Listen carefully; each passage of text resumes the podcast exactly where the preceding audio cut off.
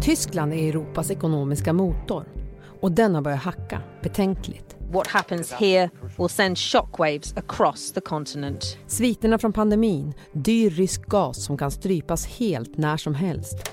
If gas were to be cut off to Germany now, that would put major pressure on prices, people and politicians. Och så de för handeln så viktiga floderna som börjar torka ut. The Rhine is one of the world's most important shipping lanes. The barges on this river carry coal to the power stations here. På en kvart får du veta vad som händer i Sverige och världen när Europas största ekonomi svajar och varför Tysklands sits kan väcka ett visst mått av skadeglädje. Da ist Griechenland aufgenommen worden in die Eurozone, ohne dass Det är måndag den 29 augusti. Jag heter Erika Hallhagen. Det här är dagens story från Svenska Dagbladet.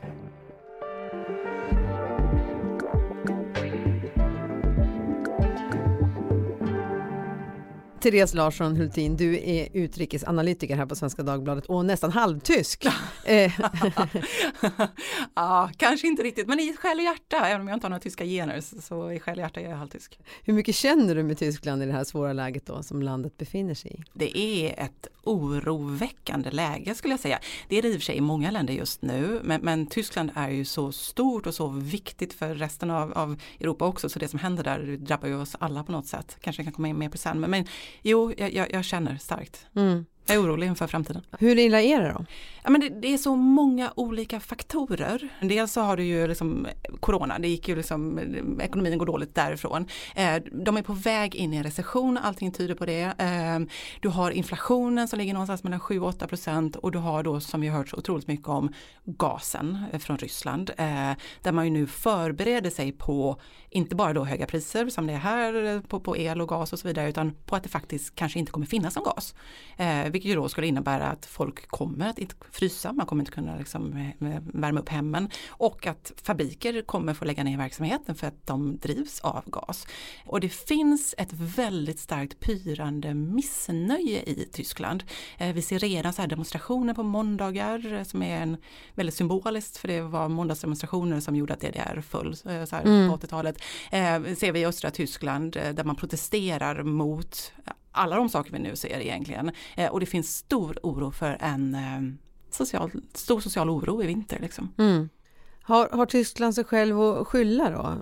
Alltså, ja, på ett sätt så har de väl det, för de har ju inte gjort någonting åt det här beroendet av rysk gas. Man har liksom inte vidtagit åtgärder för liksom klimatomställning och så vidare i tillräckligt stor grad. Eh, men samtidigt är det också alltid väldigt lätt att vara efterklok. Hej, jag Ryan Reynolds. At Mint Mobile, we like to do the opposite of what Big Wireless does. They charge you a lot. we charge you a little. So naturally, when they announced they'd be raising their prices due to inflation, we decided to deflate our prices due to not hating you. That's right. We're cutting the price of Mint Unlimited from $30 a month to just $15 a month. Give it a try at mintmobile.com slash switch. $45 upfront for three months plus taxes and fees. Promote for new customers for limited time. Unlimited more than 40 gigabytes per month. Slows. Full terms at mintmobile.com. Hur kan det komma sig att ett land som förlorat två världskrig idag kan vara världens fjärde största ekonomi? Svaren är många, men är en kombination av internationell finansiering, stödpaket, nya valutor och genomgripande ekonomiska förändringar. Efter första världskriget var amerikanska investerare intresserade av den tyska industrin. Och efter andra världskriget var även hotet från kommunismen en drivkraft till att USA la fram stödpaketet Marshallplanen som både skulle få ordning på ekonomin och begränsa Sovjetunionens inflytande på den fattiga befolkningen. The great rubble heaps left by the war were soon diminished by an American investment in international friendship and goodwill, which also proved to be an effective economic weapon against spreading communism. The Marshall Plan. Och Tyskland återhämtade sig eller åtminstone halva det forna riket, Västtyskland, som profilerade sig genom sin export. Men efter murens fall har Östtyskland kommit ikapp och idag är Tyskland alltså världens fjärde största ekonomi. Och så är det här med den ryska gasen. Det är ett ämne som vi har återkommit till många gånger här i Dagens Story sedan mm. Rysslands attack mot Ukraina. Men om du påminner oss igen, varför har Tyskland gjort sig så beroende av rysk gas?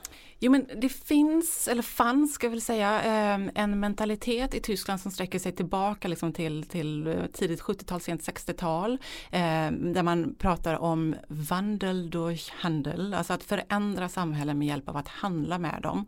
Och det fanns liksom en, en tro, och finns väl fortfarande egentligen vad gäller Kina, för det handlar man ju faktiskt fortfarande med, men att man kan förändra samhällen, man hjälper samhällen, påverka dem genom att ta in dem i världssamfundet och, och, och liksom handla med dem. Och att den det land som man har ett ekonomiskt utbyte med och är beroende av, ömsesidigt beroende, krigar man inte med.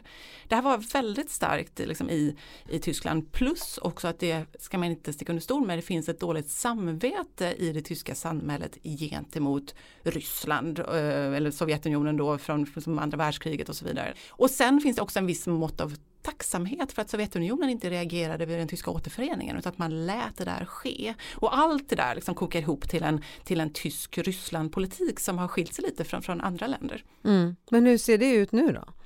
Den håller på att förändras, utvärderas men finns ändå kvar i, till viss mån. Delar av de här protesterna som jag pratade om på måndagar är ju där man protesterar mot de här sanktionerna mot Ryssland och man tycker att det går för långt och att det är fel och sådär. Um, så att det, det, och sen så har vi ju då Gerhard Schröder, gamla förbundskanslern som, som ju fortfarande står upp för, för Ryssland och liksom pratar om, uh, står på deras sida och sådär. Så att um, det finns kvar. Mm. Vad finns det för tidsperspektiv? Hur länge kommer man använda sig av, av rysk gas och, och vem är det som kommer sätta stopp? Är det, är det Tyskland eller Ryssland tror du? Uh, på kort sikt möjligen då Ryssland, uh, för Tyskland har inte möjligheten här och nu att stänga av, eller klart man kan, fast man kan ändå inte. För jag, jag såg någon siffra att skulle man stänga av här och nu, eller skulle någon av sidorna stänga av eh, det här eh, andra halvåret i år, så skulle det innebära ett fall av BNP på 12,7 procent. Det är enormt mycket. Långt över 5, nästan 6 miljoner arbetsplatser skulle liksom försvinna om, man, om gasen försvann här och nu.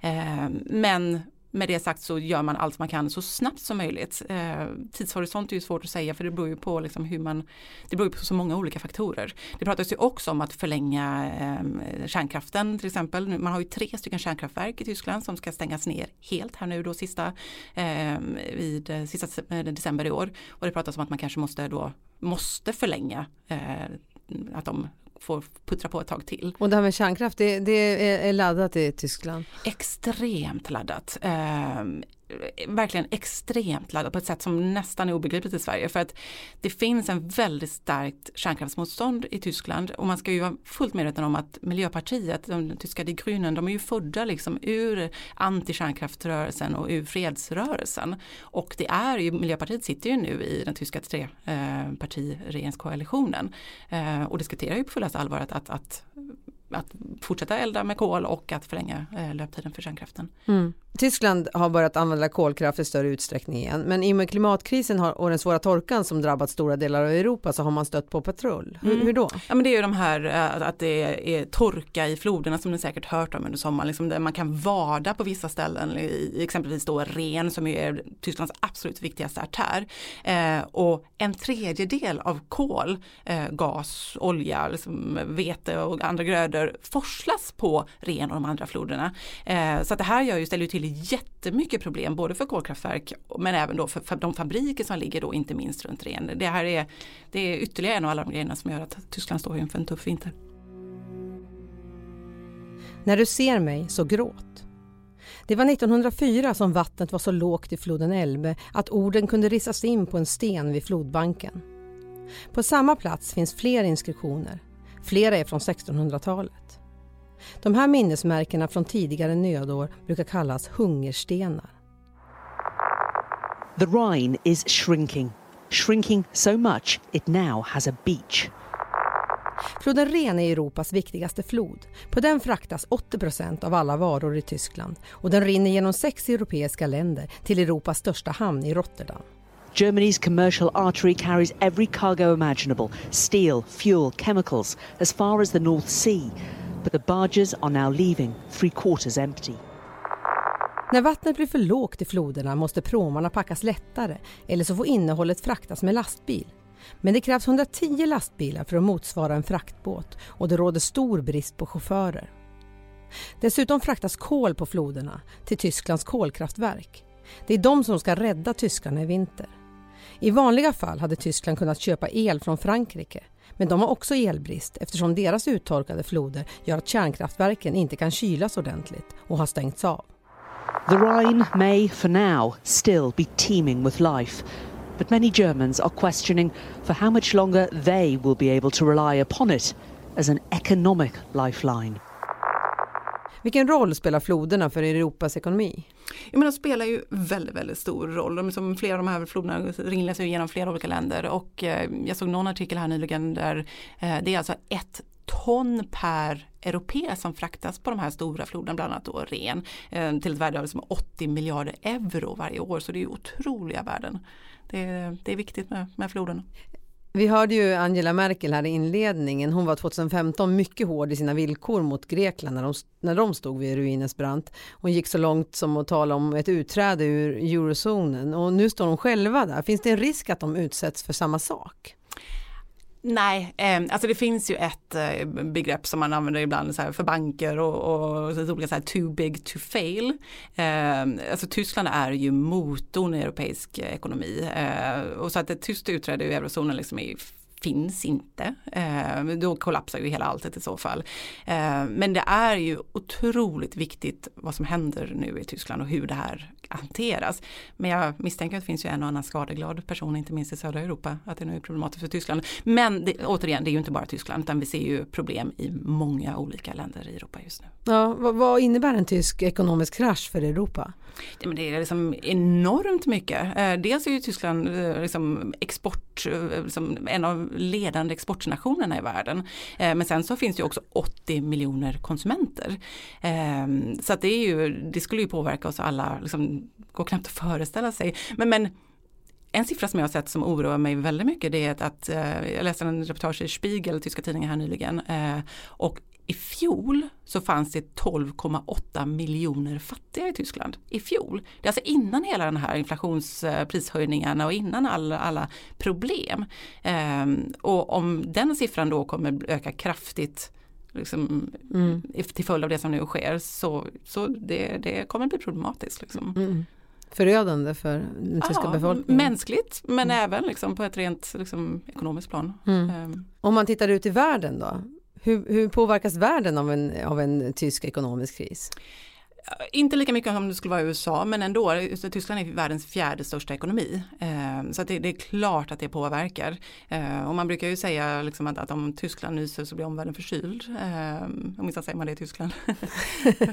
så att eh, det är självklart att det påverkar. Eh, och det är ju som Sveriges största, för oss är det vår, vår största handelspartner jämte Norge. Det går lite om varandra, ena året är det Norge, andra året är det Tyskland. Men, men så, och för oss i Sverige så är det också enormt viktigt. Hur skulle det påverka oss i Sverige om Tyskland får el elbrist i vinter. Mycket verkar ju, eh, tyder ju på att det ska bli så. Ja men det är ju, vi har ju en europeisk integrerad elmarknad och vi ser ju redan nu att vi påverkas. De dagar som, som Tyskland har dåligt med el och importerar från oss så går ju priset upp även här. Eh, så att det, det, tyvärr så kommer ju även vi i Sverige liksom få räkna med, med riktigt, riktigt, riktigt höga priser i vinter. Så att eh, det, det det stannar inte, nu i den här globaliserade världen så stannar ju inte problemen inom ett lands gränser. Nej, det ligger lite i vårt intresse också att bry oss om eh, Tyskland. Vad, vad, vad, vad, tror, vilka uppoffringar tror du vi i Sverige är redo att göra? Kommer du duscha mindre för Tyskland? För Tyskland? Ja, fast nu ska man ju komma ihåg att, att, att det som Tyskland går igenom det beror ju på Ukraina liksom. Så att i förlängningen så är, det, är man beredd att duscha mindre för Ukraina. Ja. Ehm, men självklart. Raggardusch för Ukraina. En raggardusch för Ukraina. Tack Therese för att du kom till Dagens Story. Tack. Ryan Reynolds here from Mint Mobile. With the price of just about everything going up during inflation, we thought we'd bring our prices down. So to help us, we brought in a reverse auctioneer, which is apparently a thing.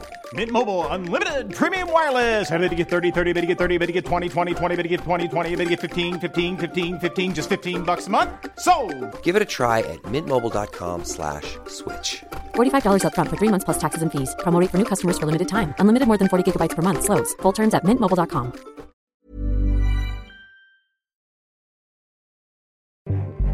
Du har lyssnat på dagens story från Svenska Dagbladet. Vi som gjorde programmet idag är producent Elin Romliotto, redaktör Teresa Stenler från Matern och jag heter Erika Hallhagen. Vill du kontakta oss så mejla till dagensstory.svd.se.